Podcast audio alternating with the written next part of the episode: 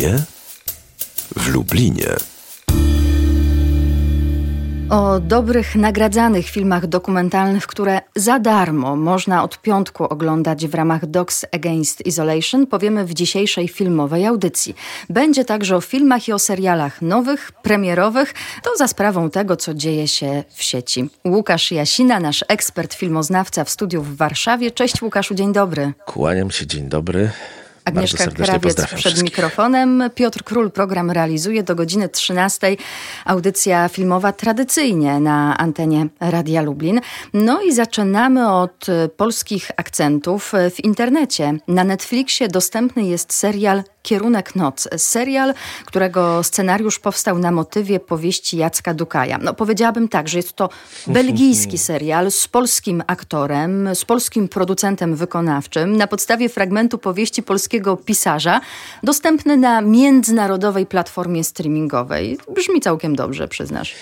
Brzmi dobrze i ponieważ melduje się Państwu Wasz wierny oglądacz po obejrzeniu całości tego serialu, chcę powiedzieć, że też efekt jest bardzo dobry. Tym aktorem, jest, o którym wspomniałaś Agnieszko, jest Ksawery Szlenkier. Kolejny polski aktor, który w Polsce ma trochę pod górę, bo grywa głównie w epizodach. Pracował nawet jeszcze rok temu w szkole jako nauczyciel aktorstwa w takiej katolickiej szkole w Warszawie, a w końcu dostał swoją wielką szansę. On zresztą grywa od jakiegoś czasu e, w filmach e, zachodnich. Z bardzo prostego powodu. Poza tym, że jest dobrym aktorem, pasuje castingowcom, mówi też bardzo ładnie po angielsku i francusku, więc może tutaj e, drobna prośba naszych aktorów, uczcie się obcych języków, to naprawdę trochę pomaga. może nie w naszej branży twojej czy mojej, Agnieszko, ale w aktorskiej pewnie tak. Do tego wszystkiego Tomasz Bagiński, Tomek Bagiński, e, twórca Katedry, nominowany swego czasu do Oscara, która przypomnij Państwu także jest adaptacją Jacka Dukaja staje się w tej chwili ważną szychą w Netflixie. To znaczy, zaczęło się oczywiście od bycia producentem wykonawczym Wiedźmina, gdzie naprawdę on odgrywał dużą rolę, był kimś w rodzaju plenipotenta e, Sapkowskiego e, na tym planie. I on zaczyna coraz bardziej decydować o, produkta, o produkcjach z gatunków fantazy. Y, y, jest też bardzo przedsiębiorczy przedstawiciel Netflixa na Polskę, proszę Państwa, i tego będzie w tej chwili więcej. Więc Netflix y, stanie się jakimś takim fajnym źródłem promocji Polski i to takiej promocji, jak się Państwo domyślają, nienachalnej, nie w stylu wielkiej, historycznie oczekiwanej przez różne środowiska produkcji, tylko pokazywania autentycznego mm, dorobku w tej chwili polskiej literatury, która jest bardzo uniwersalna i nadaje się znakomicie do adaptacji na ekran. A sam kierunek noc, proszę Państwa, to jest bardzo dobrze zrealizowany, trzymający w napięciu serial, e, wręcz będący thrillerem, pokazujący taką naszą Unię Europejską w miniaturce zapakowaną na pokład samolotu, który ucieka przed słońcem, które może wszystko zniszczyć, że tak zrobimy odrobinę spoilingu. Serial składa się z sześciu odcinków i tak jak powiedziałeś, to nie będzie specjalne spoilerowanie, jeśli e, zdradzimy, że motywem przewodnim jest właśnie ucieczka grupy bohaterów, e, która znalazła się na pokładzie przed słońcem. Słońcem, które jak się okazuje zabija. Gdzie zaświeci, tam giną ludzie, więc grupa osób niewielka, bo to nie jest samolot pełen ludzi. Jest tam social distancing. Tym zdecydowanie ucieka przed tym słońcem. I to, na co zwróciłeś uwagę, że jest to bardzo międzynarodowa grupa, wielokulturowa. E, moim zdaniem jest to atut tego filmu, a nawet niektórzy z tego się śmieją, na przykład gdy przed nimi stoją kolejne wyzwania i ktoś komentuje Polak i Turek do jednej pracy, no niczego nie wygraliście, więc tutaj szanse macie marne. Ale e, Polak się bardzo dobrze odgryza temu Włochowi, przypominając liczne przegrane wojny włoskiego imperium. E, więc trochę historii też jest, jak się okazuje. Jest też e, wieloreligijność. Tak jest. Więc... Wierzący katolik, wierzący muzułmanin. Bardzo ciekawe zestawienie tego. I pytanie, ty jesteś buddystą, więc pod tym względem tak, to jest bardzo ciekawa mieszanka ludzi. Ludzi, którzy żyją tu i teraz, którzy mają swoje problemy, mamy instagramerkę, mamy Rosjankę, której syn jest poważnie chory, mamy człowieka, który przemyca coś na pokładzie samolotu, żeby więcej nie zdradzić. Oni mają swoje cele, a łączy ich właśnie ten jeden jeszcze dodatkowy, czyli ucieczka. Mamy nawet trzech szkocko-brytyjskich żołnierzy, którzy mówią po prostu jak Iwan McGregor połączony z Jamesem McAvoyem. E, moim zdaniem w tej chwili e, po odejściu Shona Connerego z kina najpiękniejszymi wykonywaczami szkockiego akcentu w języku angielskim. Ale mamy więc Państwa... E, angielski, szkocki, mamy francuski i mamy momentami nawet język polski. Bardzo ładnie zresztą przez Ksawerego Szlankiera opowiadany. I proszę Państwa, pod koniec serialu, ale nie zaspoiluję Państwu już, w jakiej roli pojawia się tam Borys Szyc jako Czyli pod koniec, widzisz, bo ja do trzeciego odcinka tylko dotarłam. Spokojnie, y, powiem, sobie dzisiaj inny serial, gdzie ja obejrzałem go w całości. Wcale nie jestem z tego podzadowolony, ale w wypadku kierunku noc bardzo zadowolony jestem. No właśnie. Pod każdym względem, pod mhm. każdym względem. To się nie pogorszy, Agnieszko, że tak ci powiem, po trzecim odcinku, a wręcz przeciwnie, będą coraz mocniejsze fragment. Nigdy nie byłam fanką filmów katastroficznych czy filmów z mhm. elementami science fiction. Dlatego Kierunek Noc zdecydowanie nie będzie moim ulubionym serialem, chociaż te trzy odcinki, które obejrzałam, mhm. na moje oko, ucho są e, dobrze, ciekawie skonstruowane i właśnie te różne detale wpływają na to, e, że wiele rzeczy jest autentycznie ciekawych. Natomiast e, pamiętasz, kilka tygodni temu rozmawialiśmy o tym, czy na czas pandemii filmy katastroficzne to jest dobry właśnie. pomysł dla widzów i po tych trzech odcinkach mimo wszystko stwierdzam, że nie. Ja nie należę do grona osób, e, które chciałyby właśnie w tym czasie oglądać filmy katastroficzne. Nie. Agniesiu, Agnieszko, że tak powiem, co mam tutaj Państwu demonstrować pewne zażyłości. Ale y, ja wtedy z kolei powiedziałem, że to naprawdę zależy od człowieka. Bo są tacy ludzie, którzy mogą oglądać filmy katastroficzne nawet w bombardowanej Warszawie w 1944 roku. Byli tacy, były nawet takie projekcje. A niektórzy ludzie y, tego nie znoszą. Myślę, że to jest kwestia każdego z nas. Na szczęście sposób, w jaki nam jest podczas tej pandemii kino serwowane, że jednak y, to jest bardzo indywidualny odbiór. Każdy z nas właściwie decyduje w tym momencie, co chce obejrzeć, w jaki sposób, w jakiej platformie, na jakiej stronie. Umożliwia tym z nas, których po prostu to nie rajcuje, uniknięcie tego. Natomiast oczywiście pozostaje bardzo poważnym problemem, czy rzeczą opłacalną jest dla producentów wypuszczanie e, takich filmów katastroficznych w dobie ogólnoświatowej katastrofy. I to jest oczywiście pewne ryzyko, ale pamiętajmy o tym, że produkcja filmu to nie jest e, taki serial w telewizji polskiej, który zrobiono częściowo na Skype'ie, to jest jednak coś, co trochę trwa i przypominam ci, że ponieważ pandemia jest naprawdę faktem społecznym od trzech miesięcy, to ciągle wypuszczane są filmy, które były realizowane jeszcze w tym innym świecie przedpandemicznym. W serialu Kierunek Noc pojawiają się te polskie akcenty, także w postaci muzyki. E, możemy usłyszeć w jednej ze scen w tle wybrzmiewającą piosenkę Dawida Podsiadły. Piosenkę, która notabene e, nie tak dawno jeszcze promowała zupełnie inny polski film. Ciekawa jestem, no dlaczego no właśnie ona została wybrana. W, w, pracach naukowych generalnie jak ktoś opublikuje po, po angielsku tekst, który publikował wcześniej po polsku, to nawet mu się odpuszcza kwestię plagiatu.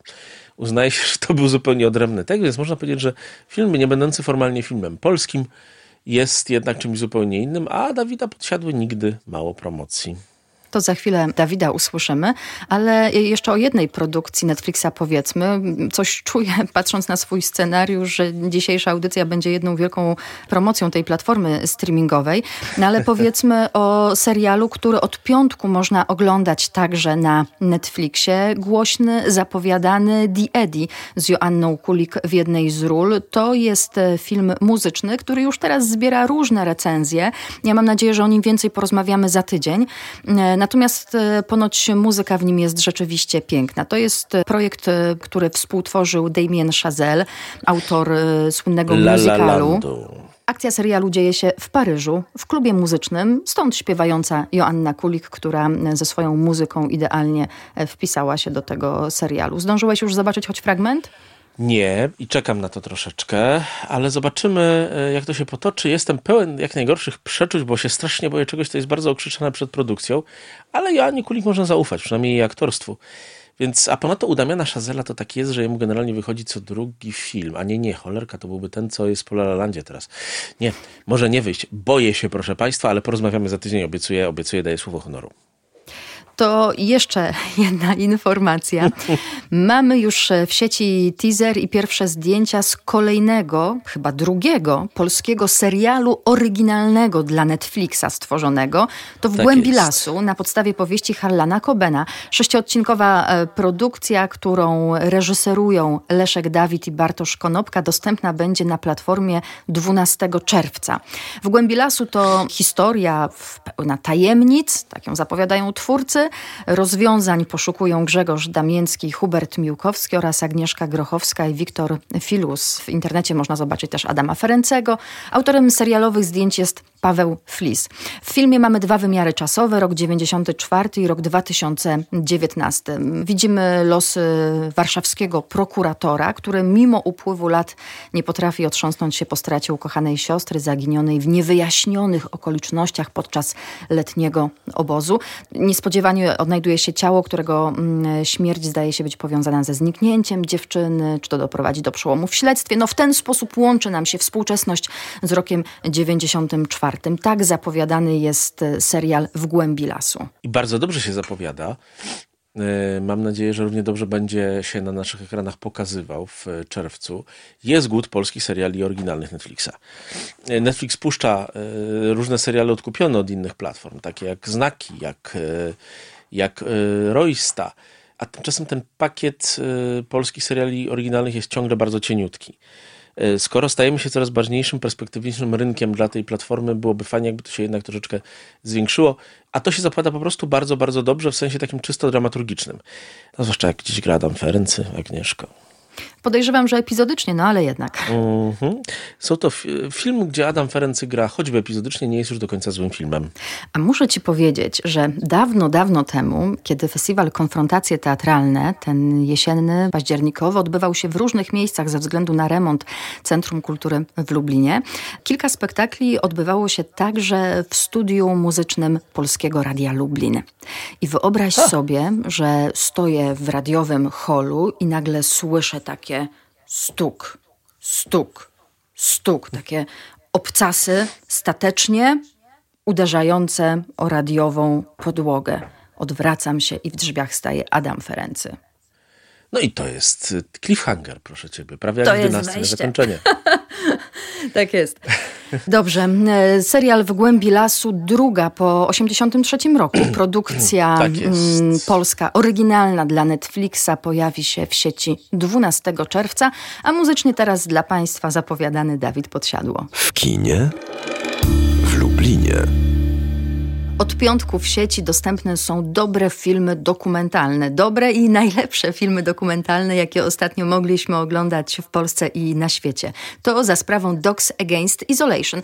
Wspominaliśmy w ubiegłym tygodniu o tym internetowym wydarzeniu, które odbywa się niejako zamiast Millennium Dogs Against Gravity. To z kolei jest największy festiwal filmu dokumentalnego w Polsce, który no, z wiadomych pandemicznych powodów e, teraz nie może się odbyć. Został przeniesiony na wrzesień, ale żeby nie zostać zostawić widzów, miłośników dokumentu z niczym, tak powstał Dogs Against Isolation. I tak od piątku, jeszcze przez najbliższy tydzień w sieci możemy oglądać dobre filmy dokumentalne. Obok nich e, także zapowiedzi filmów, propozycje twórców e, filmowych. Możemy także słuchać koncertów na przykład. Na otwarcie e, na kanale YouTube można było zobaczyć film Liczby i Marzenia. Codziennie udostępniane są kolejne tytuły. Szczegółowy ich spis znajdą Państwo na wydarzeniu mm, stworzonym na Facebooku Dogs Against Isolation. Pośród filmów proponowanych, które można oglądać na ninateka.pl zupełnie za darmo, są filmy polskie, są filmy zagraniczne, te, które wygrywały ostatnio nie tylko Millennium Dogs Against Gravity, ale również e, inne festiwale, te, które e, mówią o ważnych e, ludziach, miejscach i wydarzeniach na świecie świecie. Wśród nich choćby Człowiek Delfin, Kraina tak, Miodu, tak, czyli, czyli filmy oscarowe też mamy. Ostatni w Aleppo mamy Sól Ziemi, mamy polskie filmy takie jak Książę i Dybuk, czy I była miłość w getcie. Co mógłbyś z tych różnych propozycji polecić szczególnie Łukaszu? A, i, miłość, I była miłość w getcie na początku. To jest jednak zawsze bardzo dobrze obejrzeć film, który pokazuje coś, co jest ważne również dla naszej historii. Film zresztą bardzo ciekawy, bo film, w którym ostatecznie stał się czymś w rodzaju ostatniego filmu Andrzeja Wajdy. On współpracował przy jego realizacji i teraz funkcjonuje w oficjalnej liście płac jako jego koreżyser. Film zrobiony na 10. rocznicę śmierci Marka Edelmana. Bardzo, bardzo Państwu polecam. I polecam Państwu klasykę, o której wspomniałaś. Myślę, że bardzo ważną rzeczą jest y, odnowienie tego, co Mm, co sobie oglądaliśmy. Ogólnie nie jest to też, i tu tak powiem Agnieszko, troszeczkę aż przesadnie rewelacyjny program. Nie zdecydowali się jednak twórcy festiwalu na takie całościowe, mocne udostępnienie tego, co prawdopodobnie by nam pokazali na prawdziwym festiwalu. No to będzie we wrześniu, więc tak te, jest. Teraz Zobaczymy zresztą, czy jak można będzie we nadrabiać zaległości. Ale bardzo dobrze. Wiele firm i instytucji zorientowało się, że pokazanie archiwów, pokazanie tego czegoś, do czego już mają prawa, jest rzeczą bardzo dobrą i kompletnie nie szkodzi też potencjalnemu oczekiwaniu na zmiany. Wiesz, mi się bardzo podoba w tym festiwalu, że on jest tak trochę udostępniany jak festiwal. Że nie ma udostępnienia takiego całościowego naraz, prawda? Że codziennie mamy wybrane że filmy. To, tak jest. Jest to dawkowane, jest mamy specjalna pora. I kilka specjalnych projekcji. Tak jest, do tego wszystkiego myślę, dałoby się już w następnych razach aranżować nawet jakieś dyskusje dzięki narzędziom internetowym. A propos naszych rozmów też z różnych poprzednich programów, no musimy jakoś zastępować te formy rozmowy o kinie, które były całkowicie dostępne przed pandemią, a teraz jesteśmy ich pozbawieni.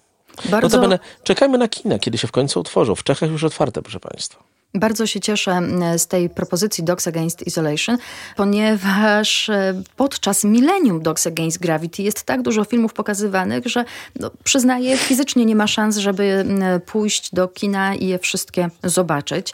Poza tym w Warszawie dużo więcej filmów pokazywanych jest niż choćby w Lublinie. Tutaj zawsze były wybrane propozycje pokazywane. A Lublin ma kilka ciekawych ośrodków, które te filmy pokazują. Regularnie je wspominamy zresztą w e, audycji Kinie w Lublinie. I gdy spoglądam w program, to widzę filmy, które już widziałam w kinie w Centrum Spotkania Kultur właśnie podczas Millennium Dogs Against Gravity, czyli na przykład Westwood, Pankuwa, ikona aktywistka. Widziałeś ten film o Vivienne Westwood? Tak jest, jak najbardziej. Bardzo ciekawy, choć mógłby być lepiej zrobiony. Myślę, że sama postać Vivienne Westwood się tak broni, jej, jej barwność, oryginalność i takie mocne twórcze spojrzenie nie tylko na modę. E, Stroiciel Himalajów, o którym mówiłam w ubiegłym tygodniu, Świadkowie Putina, to też głośny tytuł. Też z ubiegłego roku. Tak. No i jest y, Sól Ziemi, film dokumentalny, który zapisuje 40-letnią podróż Sebastião Salgado, brazylijskiego fotografa. To nie tylko dla miłośników y, fotografii. Film Wima Wendersa zresztą. Tak, który zresztą jest bardzo cenionym dokumentalistą, proszę Państwa. Podobnie jak Werner Herzog, ta para wielkich niemieckich reżyserów od samego początku, od lat 70. Y, zajmowała się jednocześnie robieniem dokumentów i fabuł te filmy także myślę możemy z całym e, sercem i czystym sumieniem polecić. No i film, który także e, zwyciężył Millennium Dogs Against Gravity, ale zdobył także nagrodę na przykład e, na festiwalu w Wenecji, czyli Książę i Dybuk w reżyserii Elwiry Niewiery i Piotra Rosołowskiego. Niesamowita historia Michała Waszyńskiego, Z artysty Kowla, pochodzącego to niedaleko nas. Mhm, który, który nie tylko tworzył filmy, ale który także tworzył swoją biografię i Elwira Niewiera i Piotr Rosołowski próbowali zebrać sporo informacji, znaleźć jakiś rys główny, sprawdzić co, co było prawdą, co nie. Przy tym filmie, powiem ci szczerze, zastanawiałam się nad tym, jak e, ważne w tworzeniu filmów jest szczęście. Szczęście do tematu, do bohatera. Bo, Doktora. Tak, bo można sobie stworzyć temat, można stworzyć scenariusz, a potem okazuje się, że wchodzimy w jakąś historię głębiej, że jest tego więcej, że coś nas, twórców, zaskakuje, co może być także dla widzów potem jakoś szczególnie cenne. Tak, to prawda. Tutaj zresztą była bardzo trudna sytuacja, polegająca na tym, że akurat mamy 60-lecie w tej chwili mniej więcej śmierci Michała Waszyńskiego i bardzo wielu ludzi już nie ma. Nie jest łatwo robić dokument bez świadków. Sami wiemy, e, na czym polega robienie współczesnych dokumentów. Ciągle poza materiałami jednak ważną rolę odgrywają wypowiedzi świadków. Udało się pani Elwirze to jednak obejść. Udało się zbudować jakąś narrację o Michale Waszyńskim, opierającą się też na jego przedwojennych filmach i pokazała w ten sposób tego człowieka, który łączył w sobie bardzo różne światy. Przedwojenną Warszawę, prowincjonalny Kowel na Wołyniu, ale też powojenny jego mit Y, polskiego księcia, który mieszka na wygnaniu w Rzymie.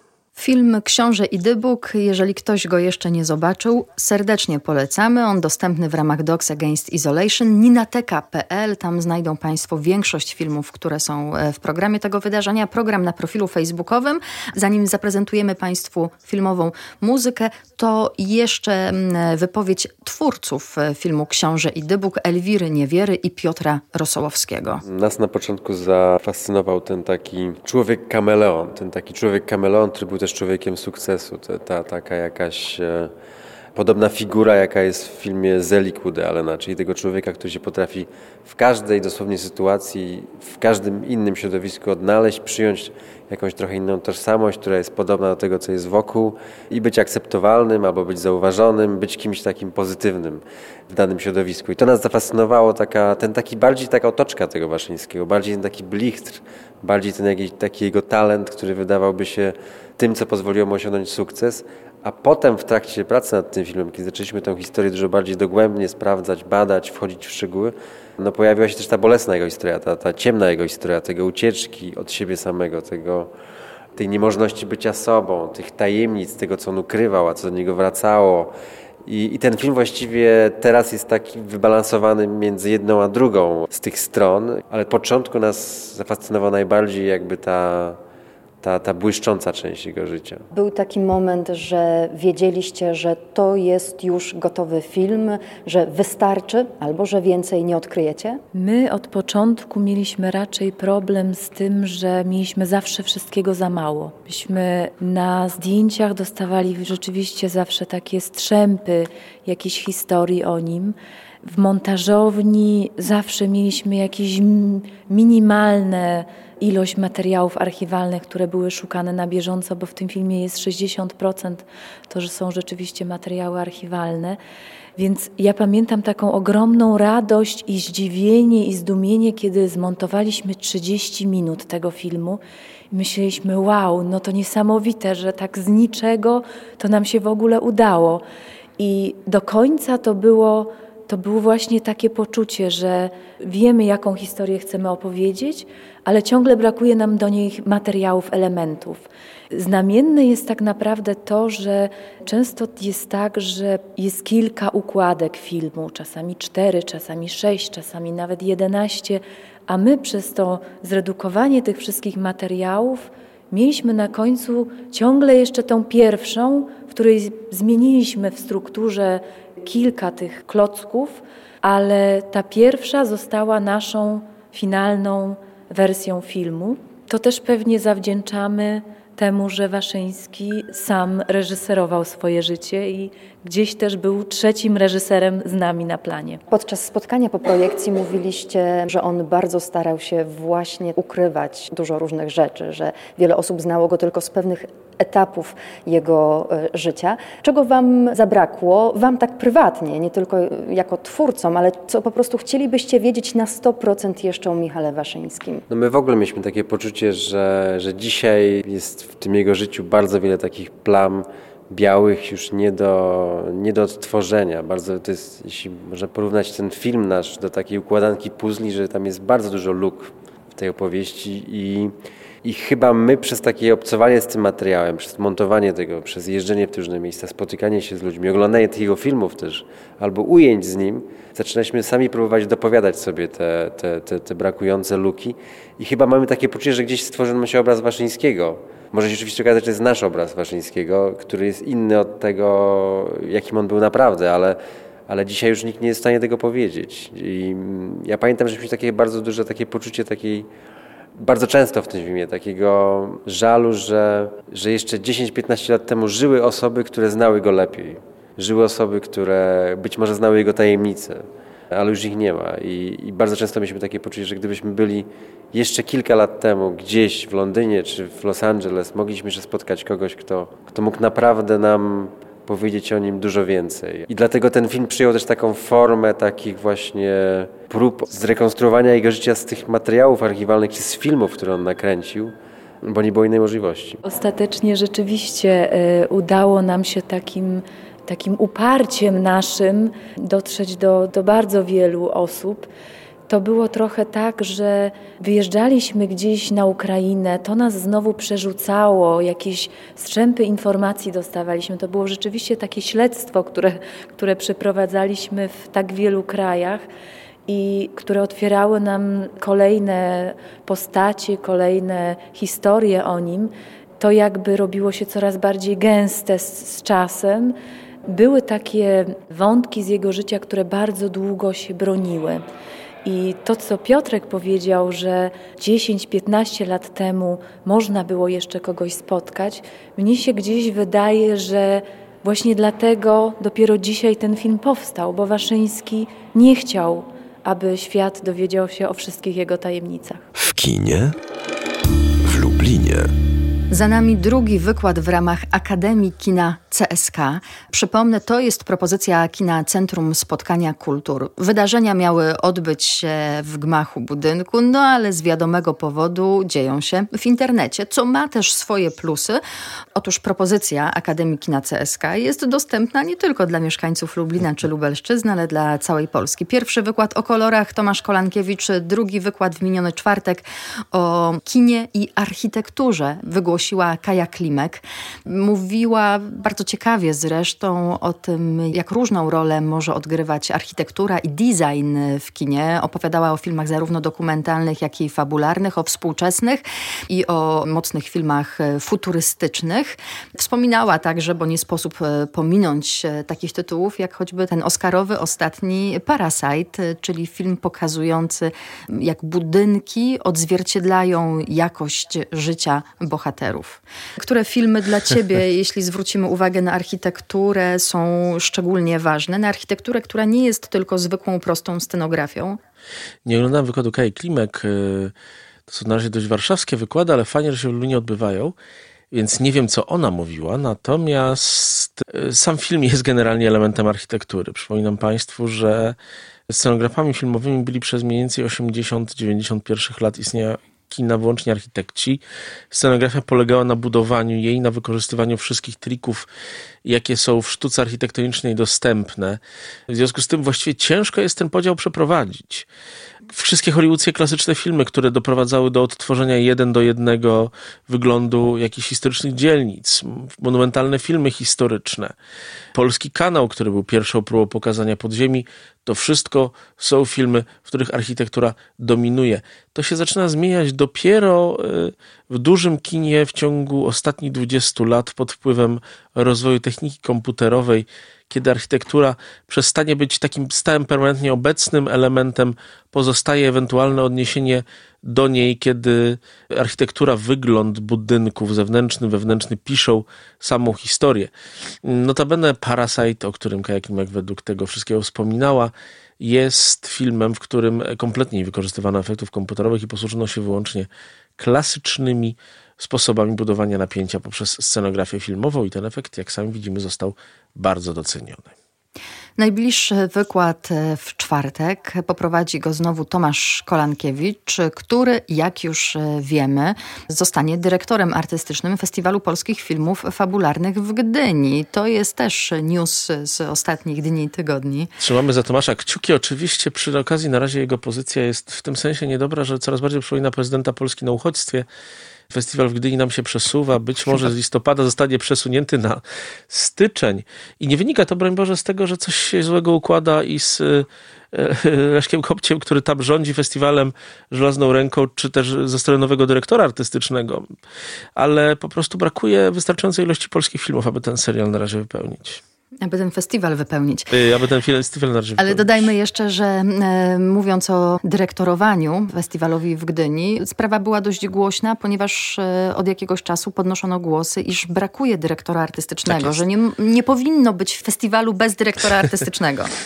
Podwonie Michała Oleszczyka, który podpadł równie mocno prawicy jak i lewicy za próbę symetryzmu na tym festiwalu w roku 2016 i godzenia sprzecznych interesów środowisk filmowych, rzeczywiście tego dyrektora artystycznego nie było i to, to był błąd, ogromny błąd, bo e, kiedy były podejmowane trudne i kontrowersyjne decyzje, ja osobiście bardzo ucieszyłem się, kiedy na przykład do festiwalu wróciła wyrzucona z niego pierwotnie Mowa Ptaków, chociaż to nie był strasznie dobry film, ale nie było kogoś, kto podejmuje za to decyzję. Festiwal filmowy rządzi się jednak takim prawem, że ktoś musi dokonać tego artystycznego wyboru, bo nie da się ocenić filmu wyłącznie na podstawie e, takich bardzo obiektywnych kryteriów. To jest jednak dzieło sztuki. I tak jak w, w, w, każdej wystawie kurator ponosi odpowiedzialność za to, tak również być powinno w festiwalu. Dobrze do tej praktyki wrócono. Wybór był bardzo trudny. Szukano kandydata, znaleziono Tomka Kolankiewicza i liczę na to, że mu się po prostu uda bo jednak festiwal w Gdyni jest najważniejszym wyborem polskiego, mm, polskie, najważniejszym wydarzeniem polskiego filmu, filmu w roku. I tak sobie myślę w tej chwili zresztą, że to jest naprawdę bardzo niewdzięczny rok. Festiwal musi jakoś wypełnić kilka dni trwania, to muszą być określone projekcje. To bardzo nie jest dobre, że trafia akurat na ten straszliwy rok pandemii, który jest dla tradycyjnego sposobu omawiania kinem rokiem straconym, takim rokiem też przerwy, rokiem policzenia się z rzeczywistością. Ale okej, okay, może festiwal z opóźnieniem się odbędzie i może jednak uda się to wszystko jakoś pogodzić, przedstawić, to święto polskiego kina zorganizować. Tomasz Kolankiewicz we czwartek opowie o muzyce w filmie, o dźwiękach w filmie. To nie są takie stricte akademickie wykłady, proszę Państwa. Jest dużo ciekawych przykładów, można zadawać pytania, więc serdecznie polecam Akademię Kina CSK. Zapisać się można na e, profilu facebookowym. Dostaje się potem link do wydarzenia, żeby można było spokojnie w czwartkowy wieczór posłuchać wykładu. A Kaja Klimek swój kolejny będzie miała za niecałe dwa tygodnie i wtedy będzie, uwaga, uwaga, o Nicolasie Cage'u, który notabene ponoć Kajal ma... zna się na Nicolasie Cage, ale okej. Okay. Uwielbia chyba różnych twórców. E, swojego kota nazwała Kmicic i Kmicica, czyli Daniela Olbrychskiego ma na ścianie, na plakacie. Ale a propos Nicolasa Cage'a, słyszałam jakąś plotkę, że ma zagrać Króla Tygrysów. To znaczy, że to w Ameryce ten temat jest, jest e, mocny, mocny wciąż. To już nie jest plotka, Agnieszko, jest to jak najbardziej autentyczna, potwierdzona przez Netflixa informacja. I myślę, że biorąc pod uwagę aktorski upadek Nicolasa Cage'a i to, jako sobie markę wyrobił, on jest bardzo podobny troszeczkę, oczywiście nie robi takich rzeczy zwierzętom i ludziom, do Joe Exotica. Cieszy się podobną opinią i wydaje się wręcz idealną kandydaturą, także z uwagi na pewną manieryczność swojego stylu aktorskiego, zwłaszcza w ciągu ostatnich 20 lat, kiedy nam się ten Nicolas Cage, który był bardzo cenionym aktorem lat 80. i 90., niemiłosiernie zagubił. Wielkimi krokami zbliżając się do końca naszej filmowej audycji, tradycyjnie Łukaszu zadaję to pytanie, co ciekawego widziałeś w minionym tygodniu, poza serialem Kierunek Noc. Który był ciekawy, jak to już mówiliśmy na samym początku i Agnieszka Krawiec go na pewno obejrzy do końca. Ale obejrzałem kilka rzeczy, różnych rzeczy, proszę Państwa. Przede wszystkim, które polecam Państwu z ciężkim sercem, bo nie są idealne, ale warto spróbować chociaż na tym, że Netflixie, bo oni mają najwięcej premier, pokazał serial Hollywood, który jest taką próbą pokazania rozliczenia się serialowego z hollywoodzkim mitu, e, prześladowaniami rasowymi, de, segregacjami rasowymi, różnymi rzeczami, prześladowaniem gejów e, na początku lat 50., pod koniec lat 40. Serial, który opowiada o początkach karier takich aktorów jak chociażby Rock Hudson, E, serial, który się bardzo dobrze zapowiadał. Pierwsze 3-4 odcinki były wręcz takim twardym rozliczeniem, oczywiście lekko stylizowanym na film z czasów epoki z Hollywoodem e, z lat 40., 50., z wszystkimi starszymi problemami, ale potem zaczęło być już troszeczkę gorzej. Końcówka była pełna takich napuszonych monologów. Ale serial bardzo Państwu polecałem, bo on zawsze otwiera jakąś bramę, zainteresowanie przeszłością kina, a w końcu historia kina to jest coś bardzo, bardzo interesującego. Jako historyk Państwu poświadczam, że tak. Drugą rzeczą jest e, film dokumentalny o Natalie Wood, również klasycznej aktorce, trochę w tej chwili zapomnianej. Film e, wyświetlony na HBO, czyli jeżeli Państwo mają to, ten kanał w domowej kablówce lub też HBO Go na komputerze, to e, zachęcamy do obejrzenia. Natalie Wood y, grała w West Side Story, Wiosennej Bólności Traw, była aktorką dziecięcą, grała z Jamesem Deanem. Zginęła w bardzo kontrowersyjnych okolicznościach na jachcie, na którym pływała swoim mężem, aktorem Robertem Ognerem i aktorem Christopherem Walkenem, pewnie Państwu znanym. Do tej pory nie wiadomo, co się z nią stało. Jej męża właściwie za to zlinczowano. Dokument jest robiony przez jej córkę, córkę jej i Roberta Wagnera, więc oczywiście tezę raczej stawia, że on nie miał z tym nic wspólnego. Y, film bardzo ciekawy, choć robiony pod tezę, ale przybliżający jedną z bardziej zapomnianych gwiazd światowego kina i bardziej um, zapomnianych fragmentów y, legendarnej hollywoodzkiej fabryki snów. Czyli ogólnie rzecz biorąc, te dwie rzeczy, które Państwu zaserwowałem, to jednak jest jakieś umocowanie w klasyce. A ja serdecznie polecam oczywiście filmy dokumentalne, które są dostępne w internecie w ramach Docs Against Isolation, ale jeśli prześledzimy też inne platformy streamingowe, to mogą znaleźć Państwo e, także inne e, polskie seriale czy polskie akcenty, o których dzisiaj wspominaliśmy. Nie wiem, Łukaszu, czy e, widziałeś serial Szać, który jest dostępny na Jeszcze nie, playerze? ale się jakoś zbieram. To jest serial stworzony na podstawie powieści Igora Brejdyganta. Na obrzeżach Opola w okrutny sposób zostaje zamordowana młoda dziewczyna. Dochodzenie wykazuje, że była jedną z wielu ofiar psychopatycznego seryjnego zabójcy. Na miejscu pojawia się komisarz Agnieszka Polkowska, w tej roli Aleksandra Popławska. Ona ma zająć się sprawą, jednak nie wie tego, że jej udział w śledztwie nie jest przypadkowy. Chodzi o jej relacje z Piotrem Wolnickim, którego gra Maciej Sztur. Zwiastuny mogą Państwo zobaczyć, a jeśli serial zainteresuje, to jest on dostępny odpłatnie na playerze.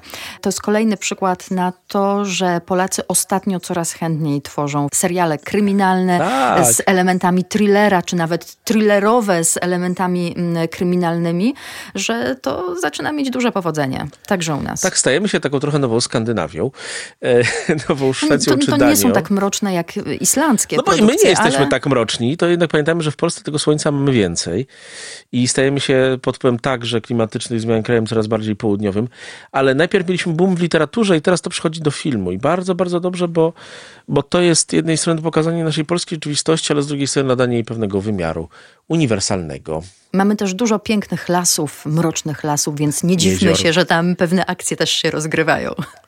Mamy też dżungle miejskie.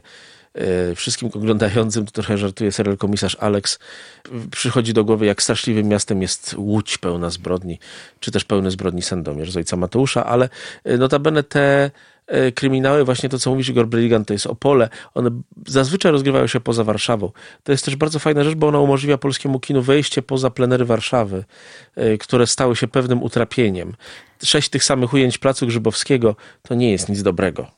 Wspomniany przez ciebie ojciec Mateusz e, ponoć e, za kilkanaście dni, może za kilka tygodni będzie ponownie kręcony. W Sandomierzu będzie można znowu spotkać e, ekipę. To chyba oznacza, że kino jakoś powoli Powolutku. wychodzi z tych mm -hmm. pandemicznych problemów pewnie ta codzienność będzie mocno utrudniona, jeśli chodzi o tworzenie, no ale jednak, no właśnie, pora, żeby powstawały kolejne odcinki seriali, kolejne filmy. Żebyśmy mieli Agnieszko... co oglądać na festiwalu. Pełna zgoda Agnieszko i myślę, że powoli to się jakoś rozkręci. Oczywiście na inny sposób i obyśmy nie mieli drugiej fali pandemii na jesieni, jak mówi minister Szumowski. Łukasz Jasina, nasz ekspert filmoznawca ze studia w Warszawie. Dziękuję Kłaniam Ci bardzo się. za rozmowę. Piotr Król program zrealizował, Agnieszka Krawiec przed mikrofonem. My też dziękujemy za wspólnie spędzony czas. Do usłyszenia, dobrej niedzieli, dobrego tygodnia.